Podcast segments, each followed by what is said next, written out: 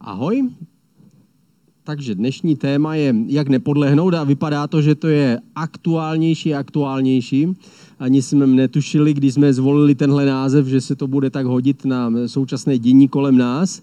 Takže my se snažíme nepodlehnout všem špatným zprávám kolem, nepodlehnout všem obavám a strachům. A ještě navíc my jako křesťané se musíme snažit nepodlehnout nejrůznějším závanům duchovního učení a nejrůznějších duchovních, eh, duchovních zpráv, které slyšíme kolem nás. Eh, v téhle době, kdy se všechno třese a všechno otřásá, tak tehdy vidíme to, co je neotřesitelné. Vidíme ty věci, které nejsou tak jasné a které se mohou měnit. A pak vidíme ty věci, které jsou pevné a které se nikdy nezmění. Víme, že ta nejdůležitější nezměnitelná věc je Bůh.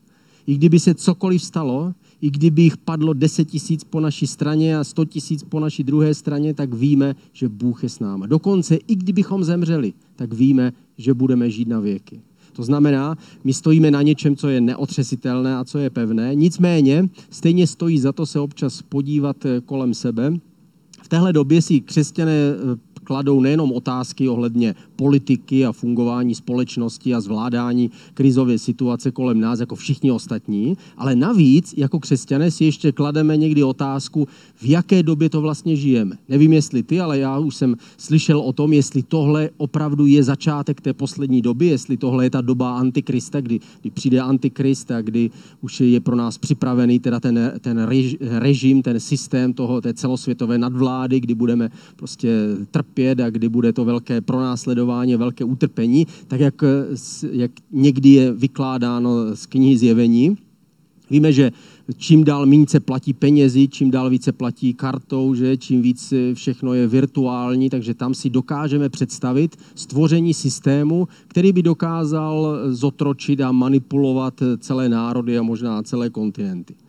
Slyšíme to volání po nějaké pevné vládě, která by zvládla takové situace, jaká zrovna teďka se odehrává v Evropě a v celém světě. A to samozřejmě vyvstává a přináší otázku, jestli ta doba, ve které žijeme, je skutečně antikrist. Dokonce jsem slyšel o tom, že eh, při očkování nebo při, při testování může člověk dostat čip, který ho nějakým způsobem označí a ten čip je spojovaný s tím místem v knize Zjevení, kde je napsáno, že jednoho, jednu, v jednu dobu přijde chvíle, kdy lidé budou označení znamením, šelmy je tam napsáno, to znamená označením znamením ďábla a jeho království a nebudou moct žít normální ekonomický život a pomocí toho budou manipulovaní a ti, kteří se nepokloní že té, té světovládě, tak ti budou pronásledováni tehdejším světovládcem, který se jmenuje Antikrist.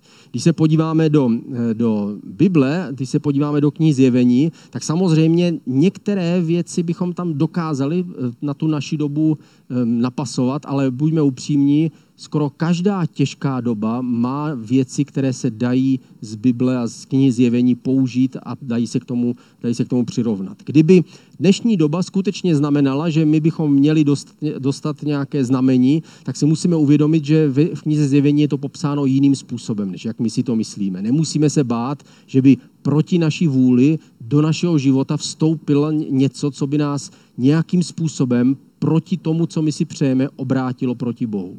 Naopak v knize Zjevení je psáno, že lidé dostanou jasně na vybranou. Buď si vyberou Boha a budou za to nějakým způsobem perzekováni, anebo si vyberou boží království, nebo si vyberou ďáblovo království a potom budou součástí toho systému. Ale když se podíváme do, do knihy zjevení a měli bychom uh, vidět, uh, podíváme se na tu osobu Antikrista, která se objevuje, uh, když, když ďábel je stržen na zem, tehdy se objevuje antikrist, to znamená postava, která je vtělením samého ďábla. To slovo antikrist znamená, že to je opak Krista, to znamená stejně jako se vtělil Bůh do člověka, ale pořád zůstával člověkem, ale pořád zůstával Bohem, tak stejně jednou chvíli dojde k tomu, že ďábel se vtělí do člověka, ten člověk je nazvaný predátor nebo šelma nebo dravec, Eh, jak říká kniha Zjevení, to znamená někdo, kdo dokáže vítězit a získávat, eh, získávat eh,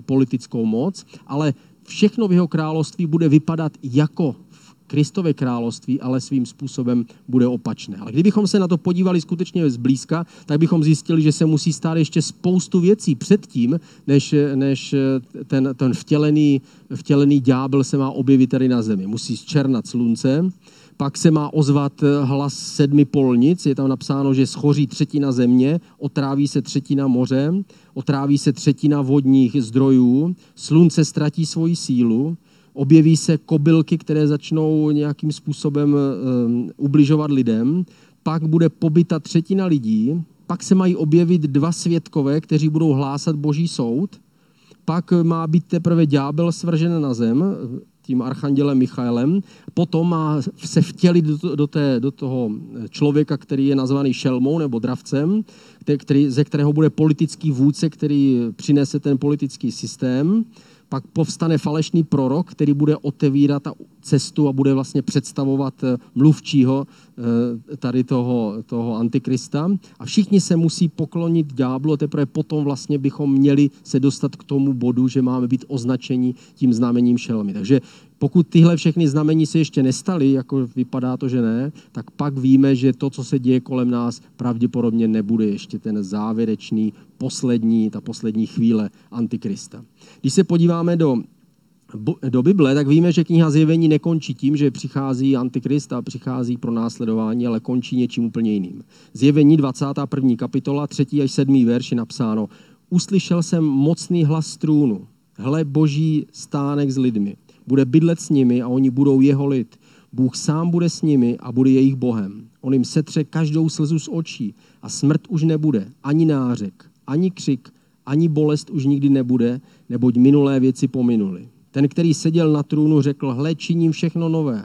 Řekl také, napiš, že tato slova jsou věrná a pravdivá. Pak mi řekl, stalo se, já jsem alfa i omega, počátek i konec. Já dám žíznicímu zdarma napít z pramene vody života.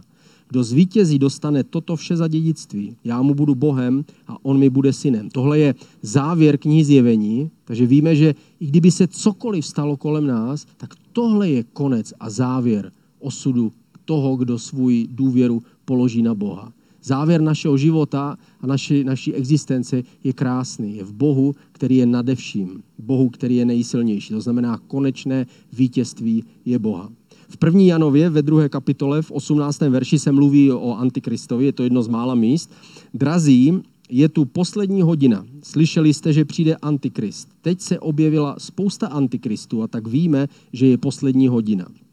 A podle tohle místa my, my dokážeme popsat eh, tři věci, které jsou spojené s Antikristem. Na prvním místě je to ten, to osobní vtělení ďábla, ten, ten závěr vlastně lidstva, kdy lidstvo má být odsouzeno za všechny hříchy, má eh, ta, ta, ten systém hříchu a systém nevěrnosti a špatnosti a špíny má být jednou provždy, provždy zničen. Dojde k tomu, že dojde k akceleraci zla, to znamená, všichni lidé si budou muset zásadně roz, eh, rozhodnout, jestli půjdou ze zlem, nebo jestli půjdou s dobrem. Ta doba je někde, někde daleko před námi, nevíme, jak, jak daleko. Pak se mluví o systému tohoto světa, který je antikristovský, to znamená, můžeme v historii vidět doby, možná, že my můžeme zažít něco podobného taky, kdy ten antikristovský systém, to znamená popírající Boha a odsuzující Boha a snaží se, snaží se převádět lidi na tu stranu zla, kdy je kolem nás a kdy je někdy silně ustanovený. A pak antikristé, to znamená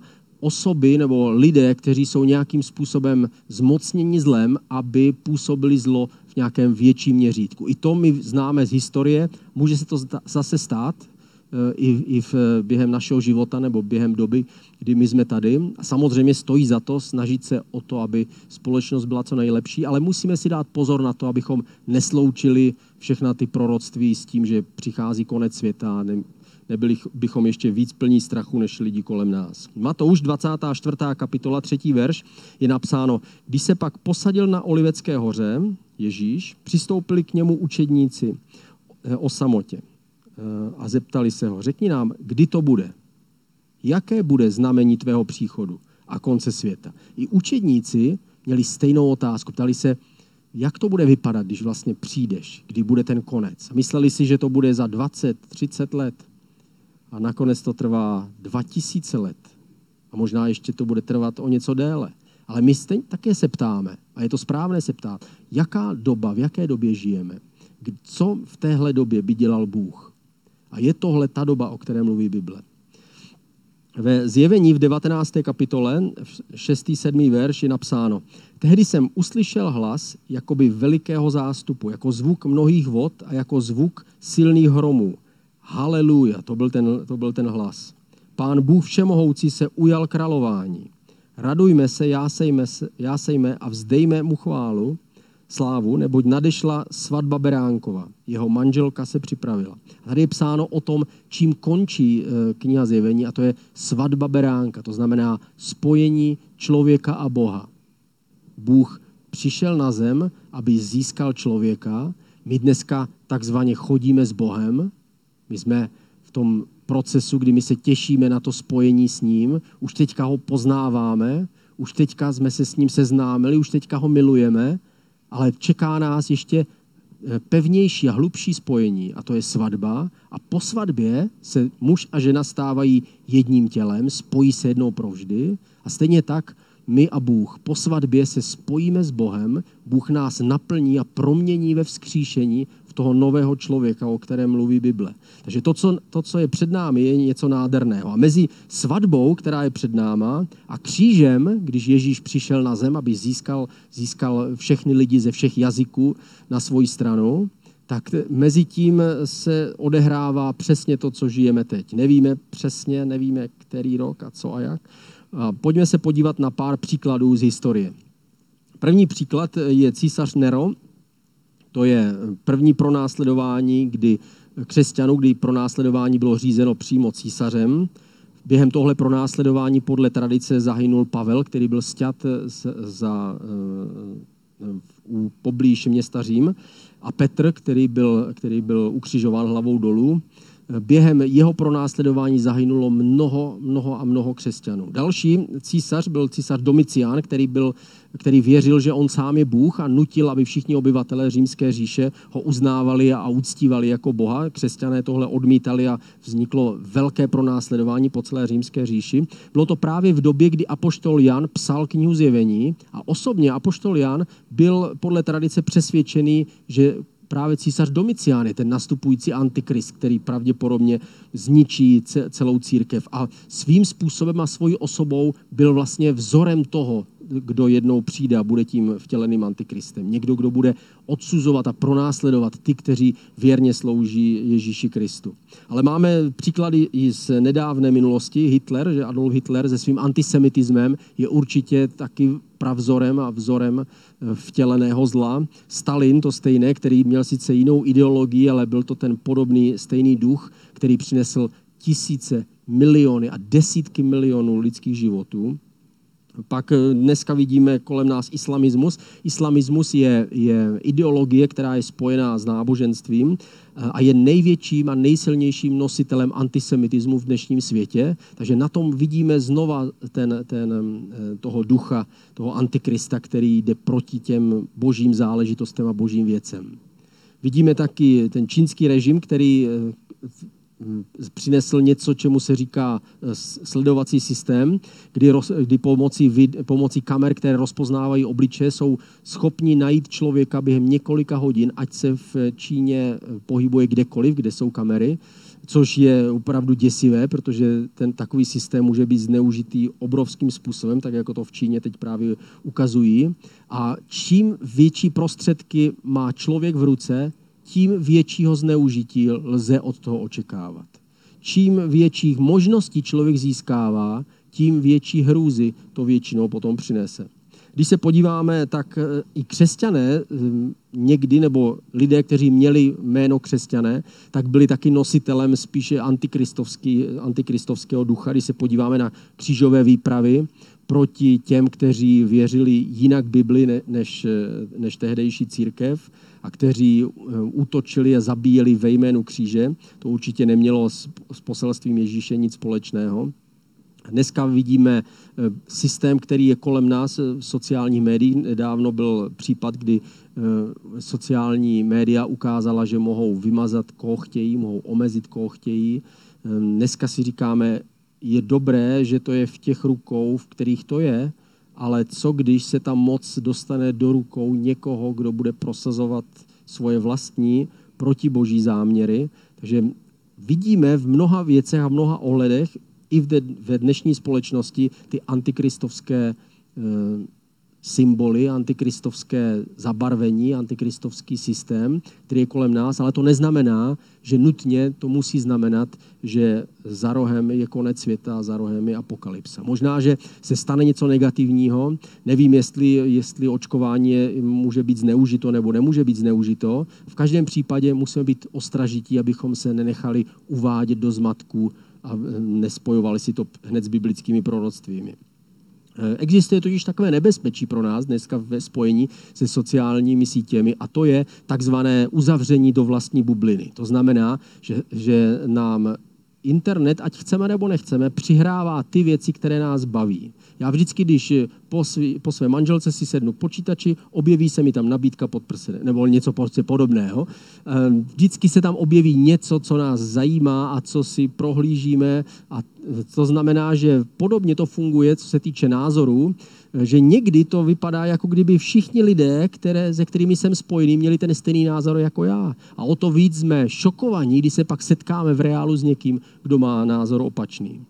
Někdy nás to může ale posilovat v extrémnějších názorech. Jestliže jakýkoliv názor nás vede k tomu, abychom někoho nenáviděli nebo abychom někým pohrdali, pak už se dostáváme za hranici toho, co, kde bychom jako křesťané měli stát.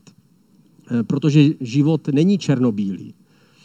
Politika není černobílá. I ten nejhorší člověk pohladil někdy děvčátko a nakrmil svého psa. I ten nejhorší člověk udělá někdy nějakou dobrou věc. Kde je ta hranice mezi černým a bílým, je pouze v duchovní oblasti. A to je Bůh a to je ďábel. A my nemůžeme nikdy spojit nic přímo s ďáblem. Musíme si dát pozor na to, abychom nebyli ti, kteří odsuzují, abychom se nenechali uzavřít ve své vlastní bublině a neodřízli se příliš moc od lidí, kteří možná mají názor, jiný názor na některé záležitosti, ale pořád jsou se mnou v jedné rodině. A to mi pomůže ukázat Andrej. Andrej, pojď za mnou. Já ti předám tohle skvělé místo.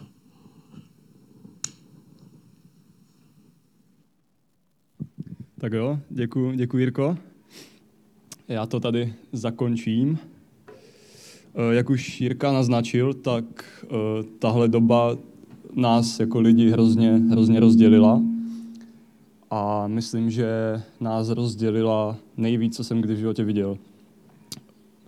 A to chce ďábel využít proti nám a taky toho využívá a my si na to musíme dávat pozor a být připraveni a dávat, dávat si na to pozor.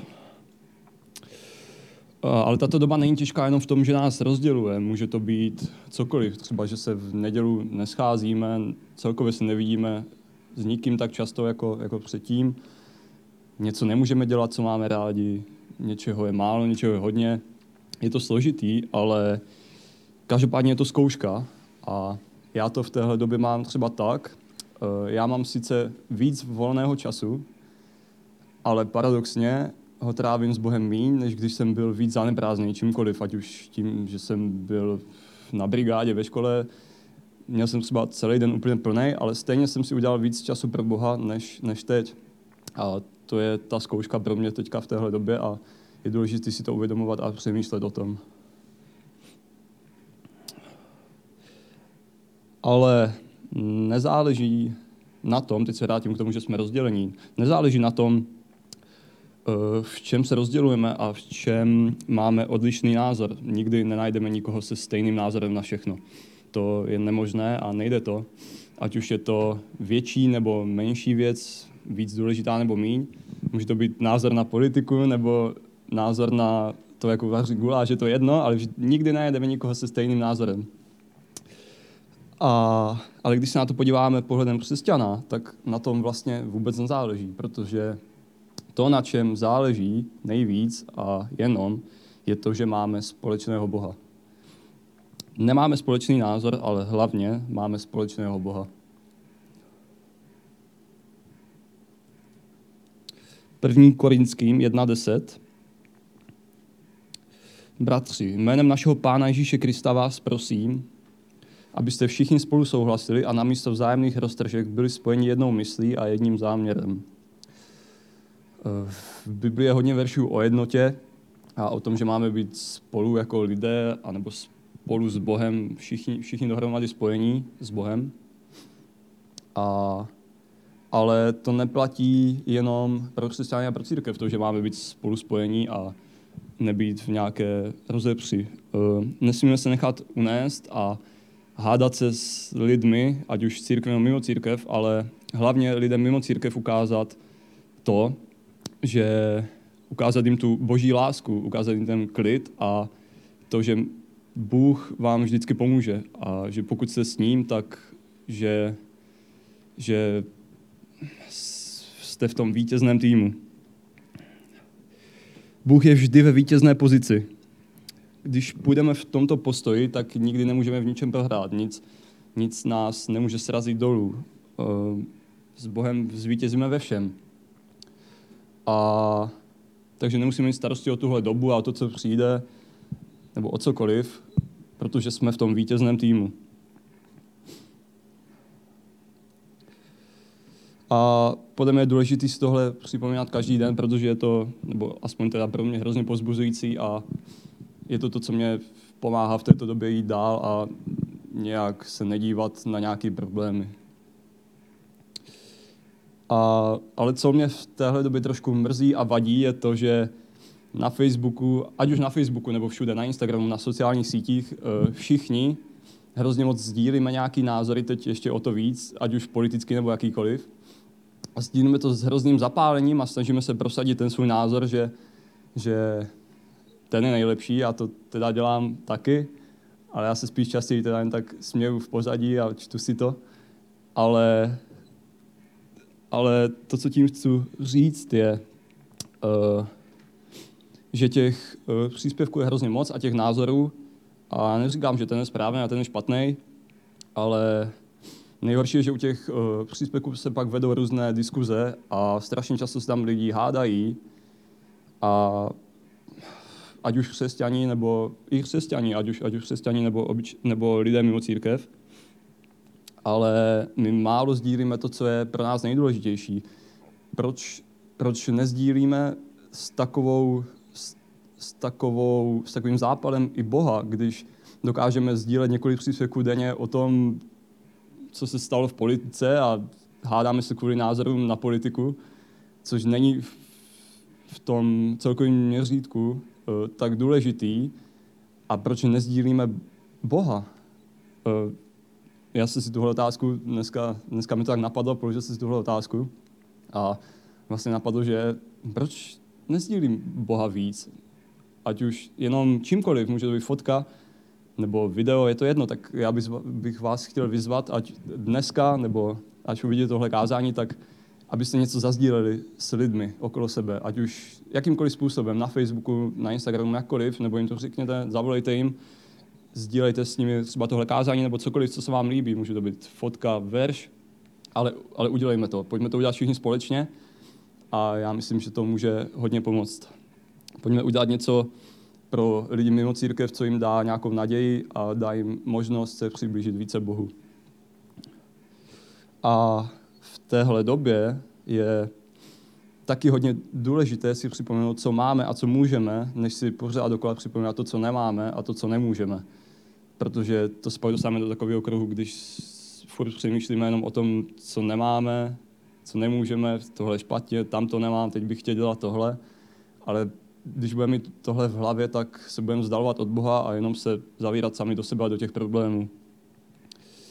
Eh, můžeme například u nás volně uctívat Boha a přiznat svoji víru, což v některých zemích nejde, anebo když to jde, tak to uděláte a oni vás za to třeba zavřou nebo, nebo zabijí a je to, je to hrozné. A u nás máme tuhle možnost, že, že to můžeme volně dělat, čo jako můžeme, musíme vážit, protože asi si to neuvědomujeme, nebo já jsem si to neuvědomoval, ale dneska se to uvědomil a je to, je to super. Můžeme, můžeme točit tohle online kázání, můžeme, je toho hodně, co máme je důležité si to připomínat každý den a, a nebýt, nebýt furt jenom v tom, co nemáme.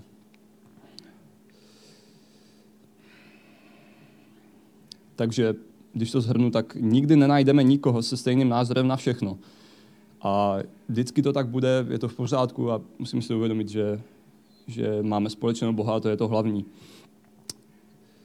Eh, máme společného Boha a Bůh je vždy ve vítězné pozici, což je hrozně pozbuzující a taky si to připomínáme, hlavně v téhle době. Dokáže vás to vážně pozbudit a připomínejme si, co máme. To je taky, taky další věc, co vám může v téhle době určitě pomoct. Takže pojďme se soustředit na co společné a nenechme se strnout dňáblem a odcházet od Boha. A sdílejme v této době Boha ještě víc, než jsme to dělali předtím, nebo pokud jsme to nedělali, tak to udělejme aspoň občas. Určitě, určitě uvidíte, že to má nějaký efekt. Filipským 4, 6 až 7.